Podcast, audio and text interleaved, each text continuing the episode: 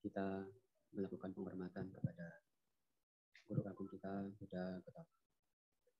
Namo tassa bhagavato arahato sama sambuddhasa. Namo tassa bhagavato arahato sama sambuddhasa. Namo tassa bhagavato arahato sama sambuddhasa. Sebagian besar orang tidak menyadari bahwa dalam pertengkaran mereka dapat binasa. Bagi mereka yang menyadari akan kebenaran ini, akan segera mengakhiri semua pertengkaran. Terpujilah Sang Buddha, Namo Buddhaya. Ya, Satihotu, salam sejahtera untuk kita semua. Semoga para bapak dan ibu, saudara dan saudari sekalian, saat ini dalam kondisi yang sehat, damai, dan bahagia. Sungguh merupakan kesempatan yang sangat baik sekali, terutama bagi saya, karena bisa berbagi dhamma kepada para bapak ibu dan saudara saudari sekalian. Seperti yang Anda ketahui bahwasanya pada kesempatan ini ya, Bante akan menyampaikan topik dhamma yaitu tentang sikap bersahabat. Sikap bersahabat ini amat sangatlah penting. Dan sikap bersahabat akan sulit untuk ya kita temukan ya ketika orang-orang di luar sana ya atau diri kita mengalami suatu masalah ya konflik percekcokan dan lain sebagainya. Masalah-masalah sosial yang terjadi di antara kita di luar sana itu disebabkan oleh karena ya tidak memiliki atau tidak adanya sikap yang bersahabat. Nah, sehingga saat ini kita bisa melihat begitu banyak ya, masalah yang terjadi, konflik sosial, ya, pertengkaran, peperangan. Sangat banyak sekali terjadi. Dan sekarang konflik ini tidak hanya terjadi secara ya fisik, tetapi juga di media sosial ya melalui kata-kata ya kalimat-kalimat yang dimuat di dalam media sosial itu juga bisa menjadi tanda bahwa di situ ada terjadi konflik saling menghina, ya, saling menghujat dan lain sebagainya. Tentunya ketika kita hidup dalam ya, konflik dalam masalah yang seperti itu, tidak ada yang namanya kenyamanan. Tidak ada yang namanya kedamaian di situ. Ya, sungguh menyedihkan ya, ketika kita hidup dalam pertengkaran, dalam konflik itu sendiri. Nah, Bapak Ibu dan saudara-saudari sekalian, bagi kita atau mereka yang menyadari dampak negatif dari masalah-masalah tersebut, seperti dalam syair Dhammapada yang tadi Bante kutip, bahwa sebagian besar orang tidak menyadari bahwa dalam pertengkaran ya, mereka dapat binasa. Nah sekarang kita bisa melihat nah, bagaimana negara ya tertentu yang sampai saat ini masih dalam kondisi yang hubungan yang tidak baik ya dan begitu banyak korban jiwa yang berjatuhan dari konflik yang terjadi. Namun Bapak Ibu dan saudara-saudari sekalian, bagi mereka yang menyadari ya akan kebenaran tersebut bahwa tidak ada untungnya ya, dari adanya konflik, maka ya mereka akan segera mengakhiri semua pertengkaran. Ya, akan mengakhiri semua pertengkaran. Nah, Bapak, Ibu, dan saudara-saudari sekalian, Guru Agung kita Sang Buddha menyampaikan ya bahwa segala sesuatu yang terjadi tentu adanya suatu sebab. Ada hukum sebab dan akibat. Nah, dalam hal ini apa kemudian penyebab dari suatu konflik? Secara umum dalam dhamma dikatakan ada dua hal yang menjadi penyebabnya. Di dalam Anggota Nikaya kelompok dua atau dukkha nipata. Konflik ini bisa terjadi karena yang pertama karena adanya nafsu keinginan atau nafsu kesenangan indria. Lalu yang kedua karena nafsu pada pandangan. Yang pertama karena nafsu kesenangan indria. Kita semua memiliki panca indria yang tampak dari luar. Kita punya mata, kita punya telinga, punya hidung, dan lain sebagainya. Dari masing-masing indera kita ini memiliki objek. Nah, ketika salah satu dari indera kita ini bertemu dengan objek yang tidak menyenangkan, apa yang akan terjadi? Kecenderungan dari diri kita ini sering kali menolak karena adanya penolakan, kemudian ada kebencian, ada ketidaksukaan, ada muncul kemarahan dalam diri kita terhadap objek yang tidak sesuai dengan dengan apa yang diinginkan oleh panca indera kita. Pada saat mata melihat objek yang tidak menyenangkan, muncul kebencian, muncul kemarahan. Pada saat mata bertemu dengan objek yang menyenangkan, kita menjadi terikat muncul kesenangan. Kita menjadi melekat. Pada, pada saat apa yang dilekati ini mengalami perubahan, ya. Misalnya saja, ya dalam sebuah hubungan misalnya, yang menjadi salah satu syarat Anda mencintai lawan jenis Anda, ya karena memiliki penampilan yang menarik. Karena yang perempuan memiliki paras yang cantik, yang laki-laki memiliki paras yang tampan. Nah, ketika Anda menyukai lawan jenis Anda oleh karena disebabkan oleh syarat-syarat tersebut, karena ia tampan, karena ia menarik, karena ia cantik,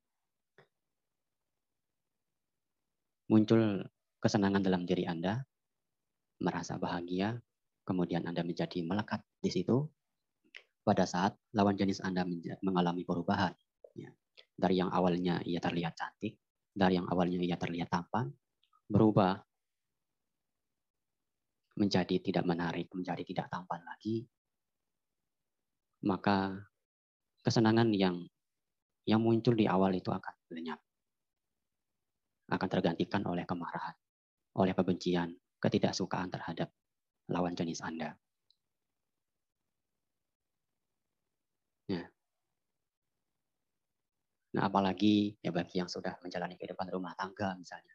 Kalau Anda mencintai, kalau Anda memilih lawan jenis Anda menjadi pasangan hidup karena adanya syarat-syarat tersebut, karena hanya sekadar dia cantik, dia tampan, pada saat pasangan hidup Anda tidak menarik, Anda menjadi benci, tidak suka. Inilah kemudian memunculkan masalah dalam kehidupan rumah tangga Anda. Nah, ini yang pertama.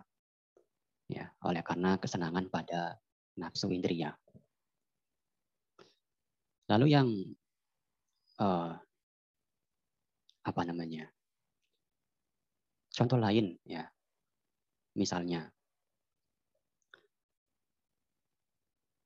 uh, dalam kehidupan bernegara ya. Suatu negara menyukai atau ingin bekerja sama dengan negara tertentu, ya, karena mereka berpikir bahwa negara tersebut memiliki apa yang mereka inginkan, ya, memiliki apa yang mereka inginkan.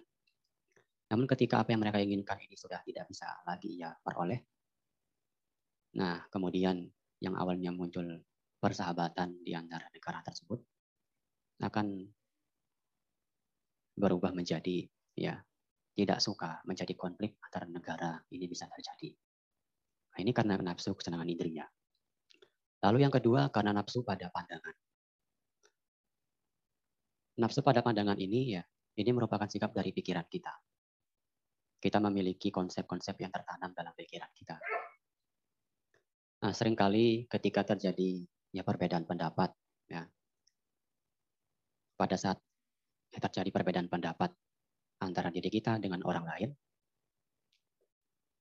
dan pendapat orang lain ini tidak bisa kita terima, yang harus diterima pokoknya pandangan kita sendiri, ya sama-sama tidak mau menerima pandangan orang lain, ya ini akan muncul perdebatan, muncul konflik, ya percekcokan di situ.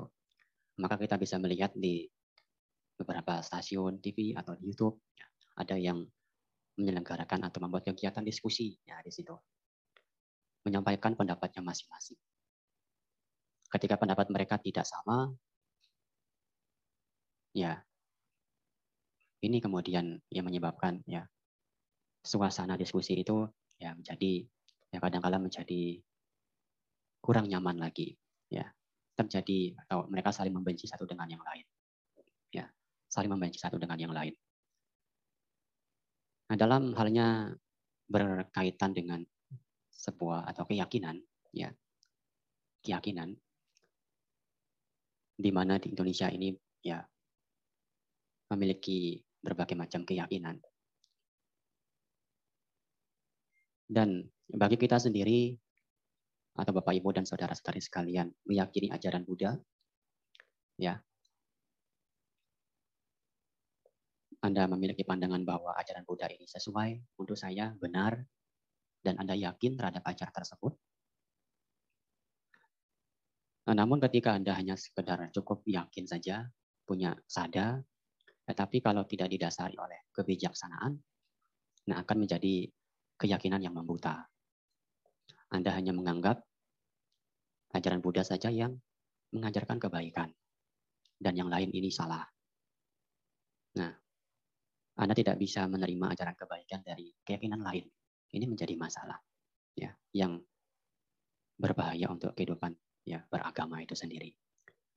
Jadi nafsu pada pandangan, perbedaan pandangan, perbedaan pendapat ini menjadi penyebab juga muncul suatu konflik, ya masalah-masalah sosial. Nah, oleh karena itu, Bapak, Ibu, dan saudara-saudari sekalian, untuk mengantisipasi, mencegah agar supaya tidak terjadi konflik, maka penting bagi kita untuk membangun atau memiliki sikap bersahabat. Sikap bersahabat.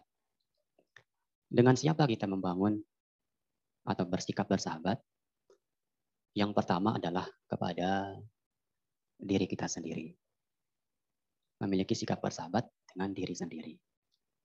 Lalu yang kedua, memiliki sikap bersahabat dengan makhluk lain. Yang ketiga, memiliki sikap bersahabat dengan lingkungan. Ya, dengan lingkungan. Apa maksudnya Bapak Ibu dan, saudara-saudari sekalian? Yang pertama kita harus memiliki sikap bersahabat kepada diri sendiri, dengan diri sendiri. Dalam hal ini adalah bagaimana kita itu mampu untuk menjaga pikiran kita, menjaga ucapan kita, dan menjaga perbuatan badan jasmani kita. Bersikap bersahabat dengan diri sendiri adalah mencintai diri sendiri, ramah dengan diri sendiri, menjaga ucapan kita, menjaga pikiran kita, dan tindakan badan jasmani kita. Maka suatu ketika, ya, ketika Raja Pasenadi uh, setelah selesai meditasi ya dengan permaisurinya, terjadi diskusi di situ. Di dunia ini siapakah yang yang uh, raja ya atau ratu paling cintai, yang sangat-sangat ratu cintai? Ratu menjawab bahwa dirinya sendirilah yang paling dia cintai. Ratu kemudian bertanya hal yang serupa. Di dunia ini siapakah yang paling sangat raja cintai? Raja pun juga memberikan jawaban yang sama.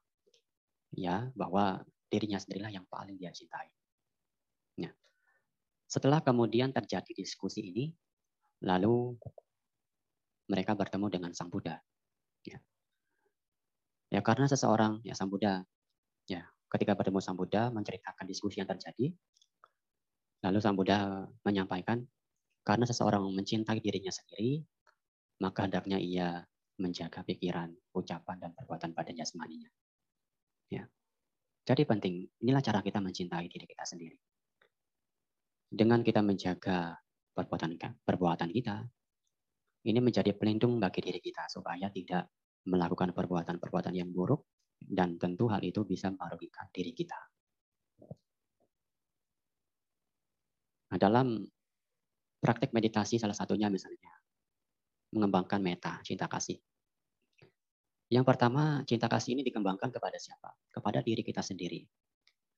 Semoga saya berbahagia, bebas dari derita, bebas dari menyakiti dan disakiti, bebas dari membenci dan dibenci. Ya. Semoga saya dapat hidup damai dan bahagia.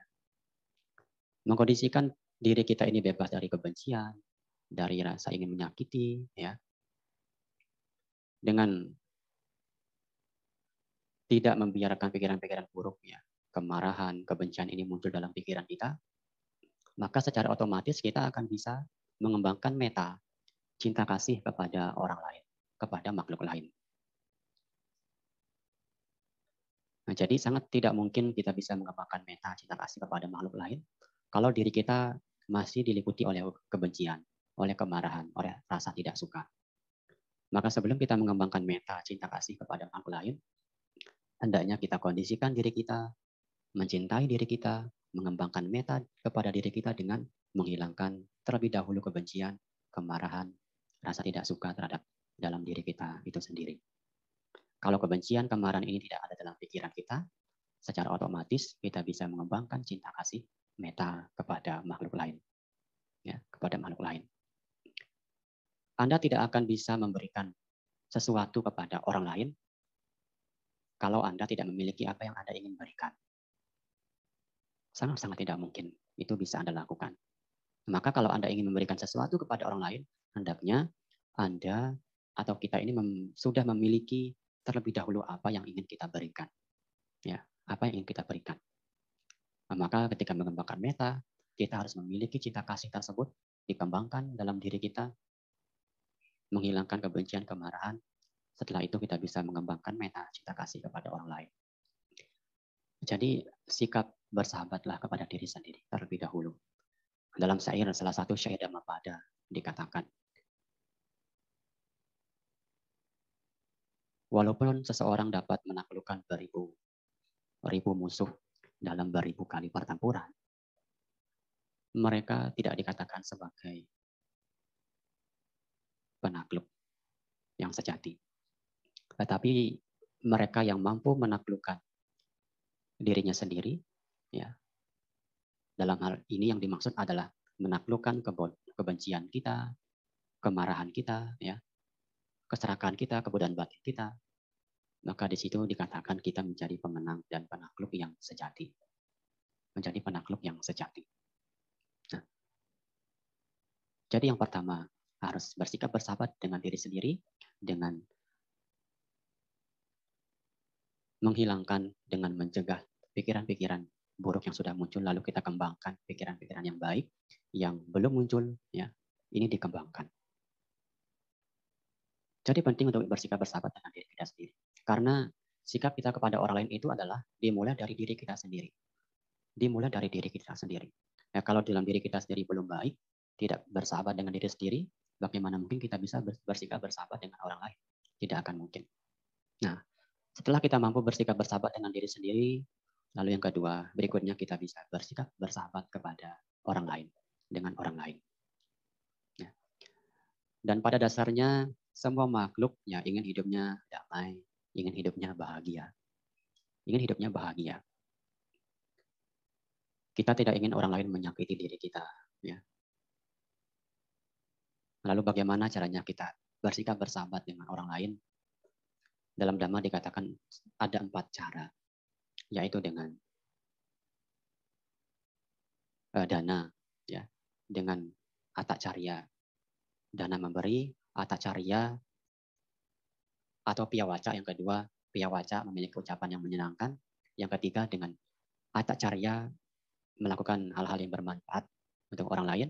Yang kelima, eh, yang keempat, sama natata, tidak sombong dan memiliki ketenangan batin. Nah, bersikap bersahabat dengan orang lain ini kepada siapa maksudnya? Nah, dalam hal ini ya kepada yang pertama kepada sanak keluarga, kepada orang tua. Bersikap baiklah kepada mereka. Kepada orang tua. Orang tua kita memiliki jasa yang besar kepada kita. Kepada anak-anaknya. Nah, dikatakan orang tua kita menjadi guru pertama, guru awal bagi anak-anaknya. Nah, sebelum kita ini, ya mereka mengarahkan kita untuk menempuh pendidikan di sekolah, kita pertama kali sudah orang tua kita ini menjadi guru kita yang pertama di rumah. Mengajarkan kita berjalan, ya, makan, menggunakan pakaian, dan lain sebagainya. Hal-hal itu diajarkan oleh orang tua kita kepada kita, kepada anak-anaknya. Kepada orang tua, kemudian berikutnya kepada tamu. Bersikap bersahabat kepada tamu. Ketika ada orang yang bertamu ke rumah Anda, sambutlah dengan penuh keramahan, ya. Dengan ya memberikan ya makanan dan minuman berdana kepada mereka. Memiliki ucapan-ucapan yang menyenangkan ya kepada mereka. Nah, dengan demikian sikap bersahabat ini akan menjadi terbangun. Ya, hubungan Anda dengan orang yang bertamu ke rumah Anda ini menjadi baik. Menjadi baik. Bersikap bersahabat kepada tamu. Kemudian kepada karyawan, ya. Kepada orang-orang yang yang bekerja di perusahaan Anda, yang bekerja di rumah Anda, ini juga harus diperlakukan dengan baik. Ya, diperlakukan dengan baik. Ketika mereka sakit, ya, sebagai seorang majikan, harus memperhatikan juga kesehatan mereka. Nah, karena mereka ini juga memiliki uh, pengaruh dalam kehidupan Anda. Kalau tidak ada mereka, ya susah. Di apalagi Anda memiliki begitu banyak kesibukan, kalau tidak ada yang membantu, tidak ada asisten rumah tangga, ya ya Anda akan menjadi kacau sendiri. Jadi penting Anda harus juga memperhatikan ya eh, orang-orang yang bekerja dengan Anda. Lalu yang berikutnya adalah bersikap bersahabat eh, itu kepada para leluhur keluarga yang meninggal. Adalah caranya dengan cara yaitu dengan ya melakukan pelimpahan jasa, persembahan jasa kebajikan. Ini kita cara kita bersikap bersahabat kepada makhluk lain dalam hal ini para leluhur kita, keluarga kita yang meninggal dunia, berdana, berbagi jasa kebajikan kepada mereka. Ya, kepada mereka. Lalu kemudian berikutnya adalah kalau zaman dulu ketika zaman Sang Buddha yaitu uh, bersikap ya bersahabat dengan raja. Dalam hal ini kalau zaman sekarang ya kepada pemerintah berdana apa membayar pajak. Ya membayar pajak. Nah, oleh karena pajak yang anda bayar ini ya juga untuk membangun ya untuk mendukung kesejahteraan kehidupan masyarakat itu sendiri. Jadi harus bersikap bersahabat juga kepada raja atau pemerintah dengan membayar pajak. Nah begitu. Nah lalu kemudian ya yang berikutnya bersikap bersahabat dengan alam dengan lingkungan. Dalam Manggala Sutra dikatakan bertempat tinggal di tempat yang sesuai adalah berkah yang utama. Ya, berkah yang utama. Bagaimana tempat tinggal yang sesuai? Ya, di mana di situ tempatnya bersih, ya, nyaman. Nah, kalau sudah bersih begitu, itu akan menjadi tempat tinggal yang baik untuk Anda tempati, ya. Untuk Anda, anda tempati.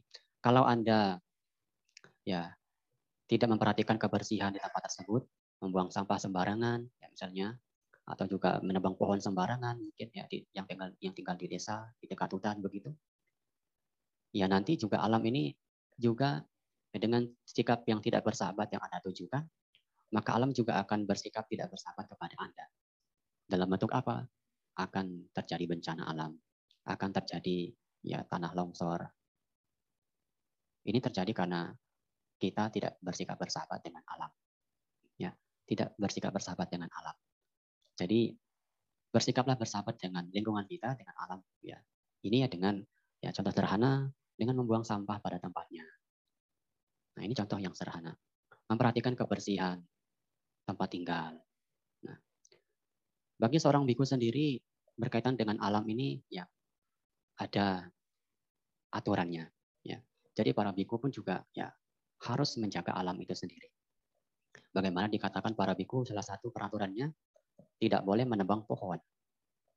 Tidak boleh menebang pohon, membuang air sembarangan ya. Ini juga tidak boleh bagi seorang biku. Nah, maka ya eh, para biku ketika berpuasa begitu ya pada saat musim hujan yaitu alasannya ya supaya ya ketika para biku mengembara begitu Nah, saat musim hujan kan banyak makhluk-makhluk yang keluar mencari makanan. Nah, kalau para biku sampai ketika musim hujan tersebut ya malah mengembara, ya, akan bisa menginjak ya makhluk-makhluk yang keluar mencari makanan. Nah, para biku tidak men boleh menebang pohon. Nah, ada sebuah cerita nah, di mana ketika zaman Sang Buddha ada salah seorang biku ingin membangun kuti, nah, tempat tinggal, Nah, beliau ini malah menebang pohon dan tidak tahu bahwa di pohon tersebut ternyata ada makhluk yang juga tinggal di sana. Yang terjadi kemudian apa? Makhluk ini menjadi marah karena Bante ini melukai anaknya. Tapi itu eh, Bante ini tidak tidak tidak mengetahui hal tersebut. Makhluk ini menjadi marah dan ia ingin membunuh Bante tersebut. Tetapi kemudian bisa mengendalikan diri dan berpikir bahwa takutnya perbuatannya ini akan ditiru oleh makhluk yang lain. Ya. Akan ditiru oleh makhluk yang lain. Jadi beliau ini tidak jadi untuk menyakiti banting tersebut. Lalu kemudian bertemu dengan Sang Buddha, yang makhluk ini bertemu dengan Sang Buddha, dan memuji bagaimana makhluk ini mampu mengendalikan diri yang tidak jadi untuk melukai, tidak jadi untuk membunuh banting tersebut. Dan kemudian karena makhluk ini rumahnya sudah dihancurkan, dirusak oleh Bante tersebut, Sang Buddha kemudian memberikan izin untuk makhluk ini tinggal di pohon dekat kuti tempat tinggal Sang Buddha sendiri. Ya.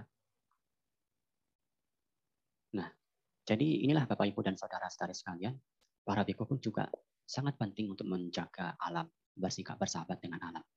Tidak hanya para biku, para perumah tangga pun juga sangat penting kalau Anda tidak bersikap bersahabat dengan lingkungan, ya, membuang sampah sembarangan, menebang pohon sembarangan, ya ini akan mendatangkan bahaya untuk kehidupan Anda sendiri.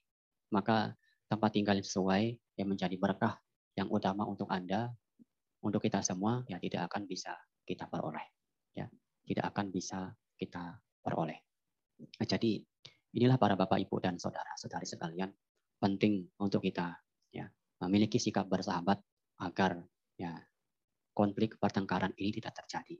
Bagaimana kita bersikap bersahabat adalah ya dengan yang pertama kita bersikap bersahabat dengan diri sendiri, menjaga ucapan kita, pikiran kita dan perbuatan badan jasmani kita.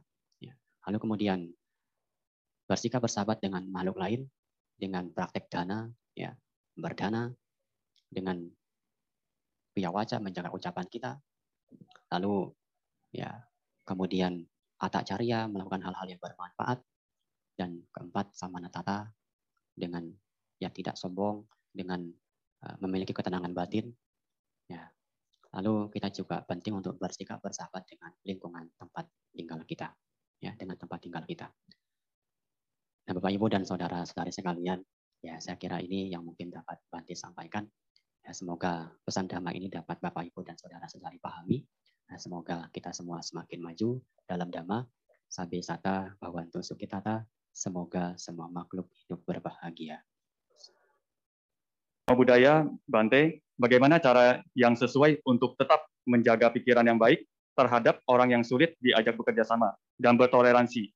Orang ini selalu ingin menang sendiri sehingga sulit untuk dihadapi.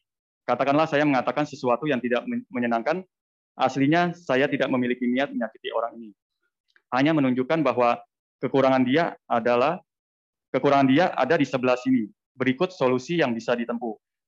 Tetapi orang ini tidak menerima dan mengatakan saya tidak baik. Apakah saya patut dianggap bersalah karena hal ini? Karena jika tidak menyebarkan masalah besar, eh, menyebarkan masalah beserta potensi solusi, saya terus yang tersakiti dan orang ini juga tidak sadar dan tidak mau belajar. Terima kasih. Ya, baik. Terima kasih atas pertanyaannya. Jadi inti dari pertanyaannya adalah ya bagaimana caranya supaya tidak memiliki ya, atau melakukan keburukan ya ketika ia ingin menasihati orang lain ya karena apa yang dilakukan orang tersebut adalah hal yang salah begitu ya. Ya. Ya memang pada dasarnya ya ya semua orang yang memiliki uh, perbedaan ya dalam pandangan ya. Dan bagi kita yang atau Anda yang memiliki niat untuk ya ingin merubah orang tersebut ya agar mereka jangan jangan sampai melakukan ya keburukan yang merugikan dirinya. Kalau kita benar-benar ingin melakukan hal tersebut dengan pengertian bahwa kita memiliki rasa kasihan kepada mereka, ya, maka lakukanlah hal itu, nasihatilah mereka dengan pengertian yang benar. Ya, dengan ucapan-ucapan yang menyenangkan, dengan ucapan-ucapan yang didasari oleh belas kasihan, oleh rasa ya cinta kasih, oleh rasa cinta kasih. Nah, kalau kita kalau Anda ketika menasihati hal tersebut eh, orang tersebut dan pendapat Anda nasihat Anda tidak diterima oleh mereka, kalau sampai muncul ya kemudian kebencian dalam diri kita, maka sesungguhnya ya ya kita ini belum ingin menasihati mereka dengan dengan ikhlas ya, dengan pengertian yang benar.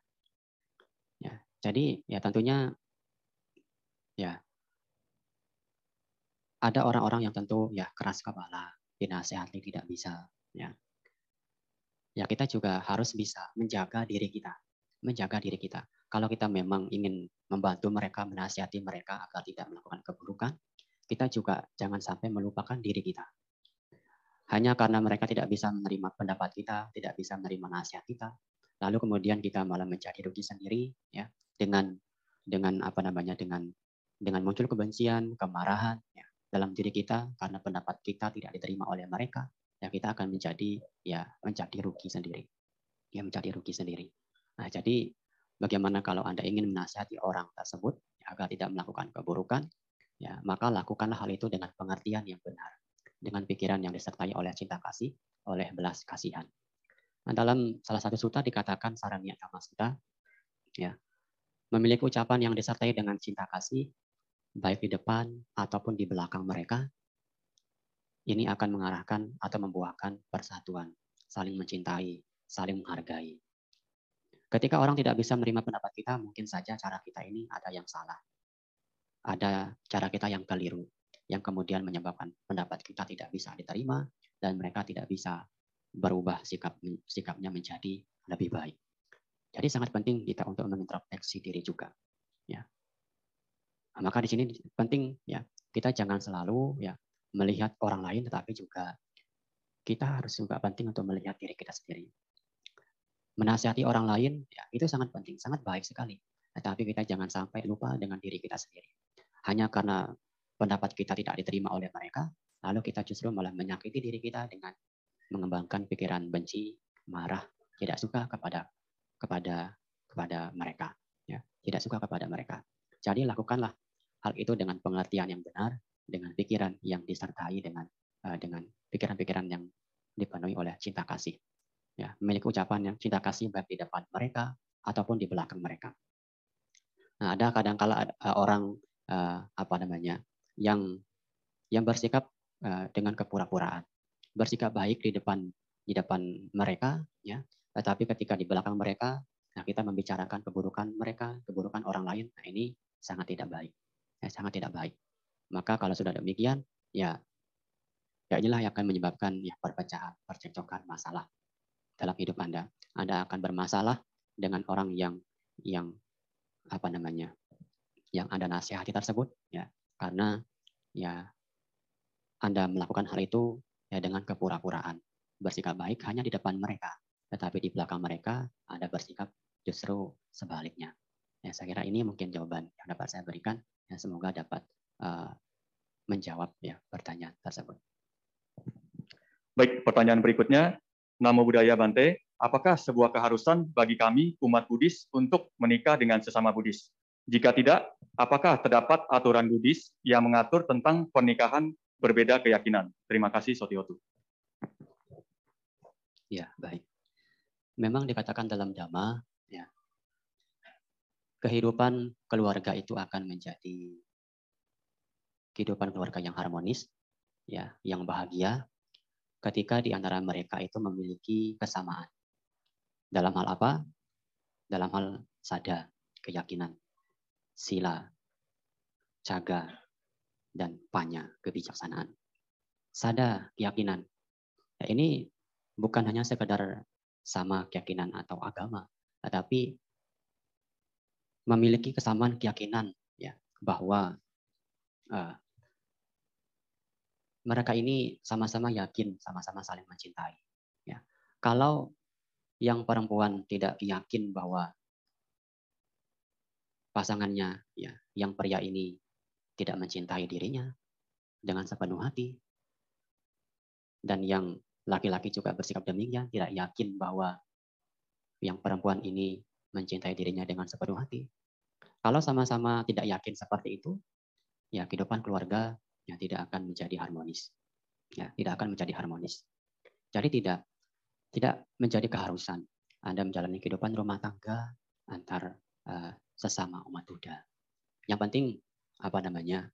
Uh, anda memiliki kesamaan ya dalam hal-hal yang baik ya. Ini sudah sudah bisa membangun kehidupan rumah tangga yang yang baik. Memang idealnya ya, memang idealnya ya sesama umat yang berkeyakinan pada Buddha. Tetapi keyakinan di sini, sadar di sini ya tidak hanya menyangkut hal tersebut.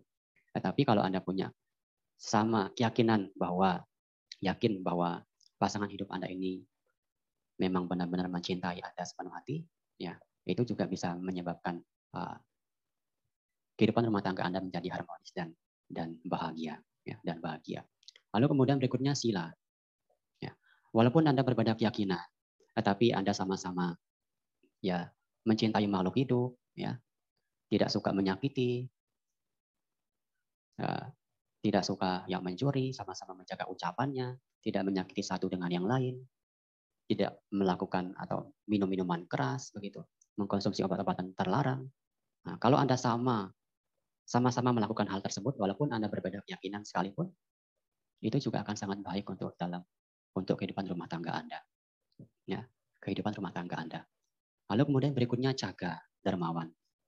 Walaupun Anda berbeda keyakinan, tetapi Anda sama-sama dermawan, suka berbagi, suka berdana. Apakah orang berdana itu hanya agama Buddha saja? Tidak. Umat beragama lain pun juga ada mereka praktik dana. Juga ada. Nah, kalau Anda memiliki kesamaan dalam hal ini, jaga, suka berdana, rumah tangga Anda akan menjadi bahagia walaupun Anda berbeda dalam hal uh, menganut suatu agama. Lalu kemudian panya kebijaksanaan, ya kebijaksanaan. Anda sama-sama memiliki memiliki kebijaksanaan bahwa pentingnya kehidupan rumah tangga itu untuk ya saling membantu satu dengan yang lain, ya agar kehidupan Anda menjadi lebih mudah. Ketika sang suami ada dalam suatu masalah, keberadaan sang istri di situ sangat penting untuk membantu menyelesaikan masalah sang suami. Ketika sang suami sakit, jatuh sakit, sang istri akan mengobati, membantu mengobati. Begitu pula sebaliknya. Jadi sama-sama punya pengertian kebijaksanaan pentingnya Anda hidup bersama sebagai suami dan dan istri, ya, sebagai suami dan istri. Nah, dikatakan kalau Anda ya memiliki empat hal ini, ya Anda tidak tidak hanya berbahagia sebagai rumah tangga di dalam kehidupan yang sekarang, tapi juga akan menjadi kondisi Anda untuk bersama lagi di kehidupan yang akan datang ya yang akan datang. Yang akan datang. Jadi pentingnya sadar yakinan itu tidak hanya berhubungan dengan uh, yakin kepada Buddha Dhamma dan Sangha tapi juga yakin terhadap hukum karma. Ini juga termasuk. Baik yang anda lakukan baik pula yang akan anda peroleh buruk yang anda lakukan buruk pula yang akan anda dapatkan. Ya saya kira ini mungkin jawaban yang dapat saya berikan. Ya semoga jawaban saya memadai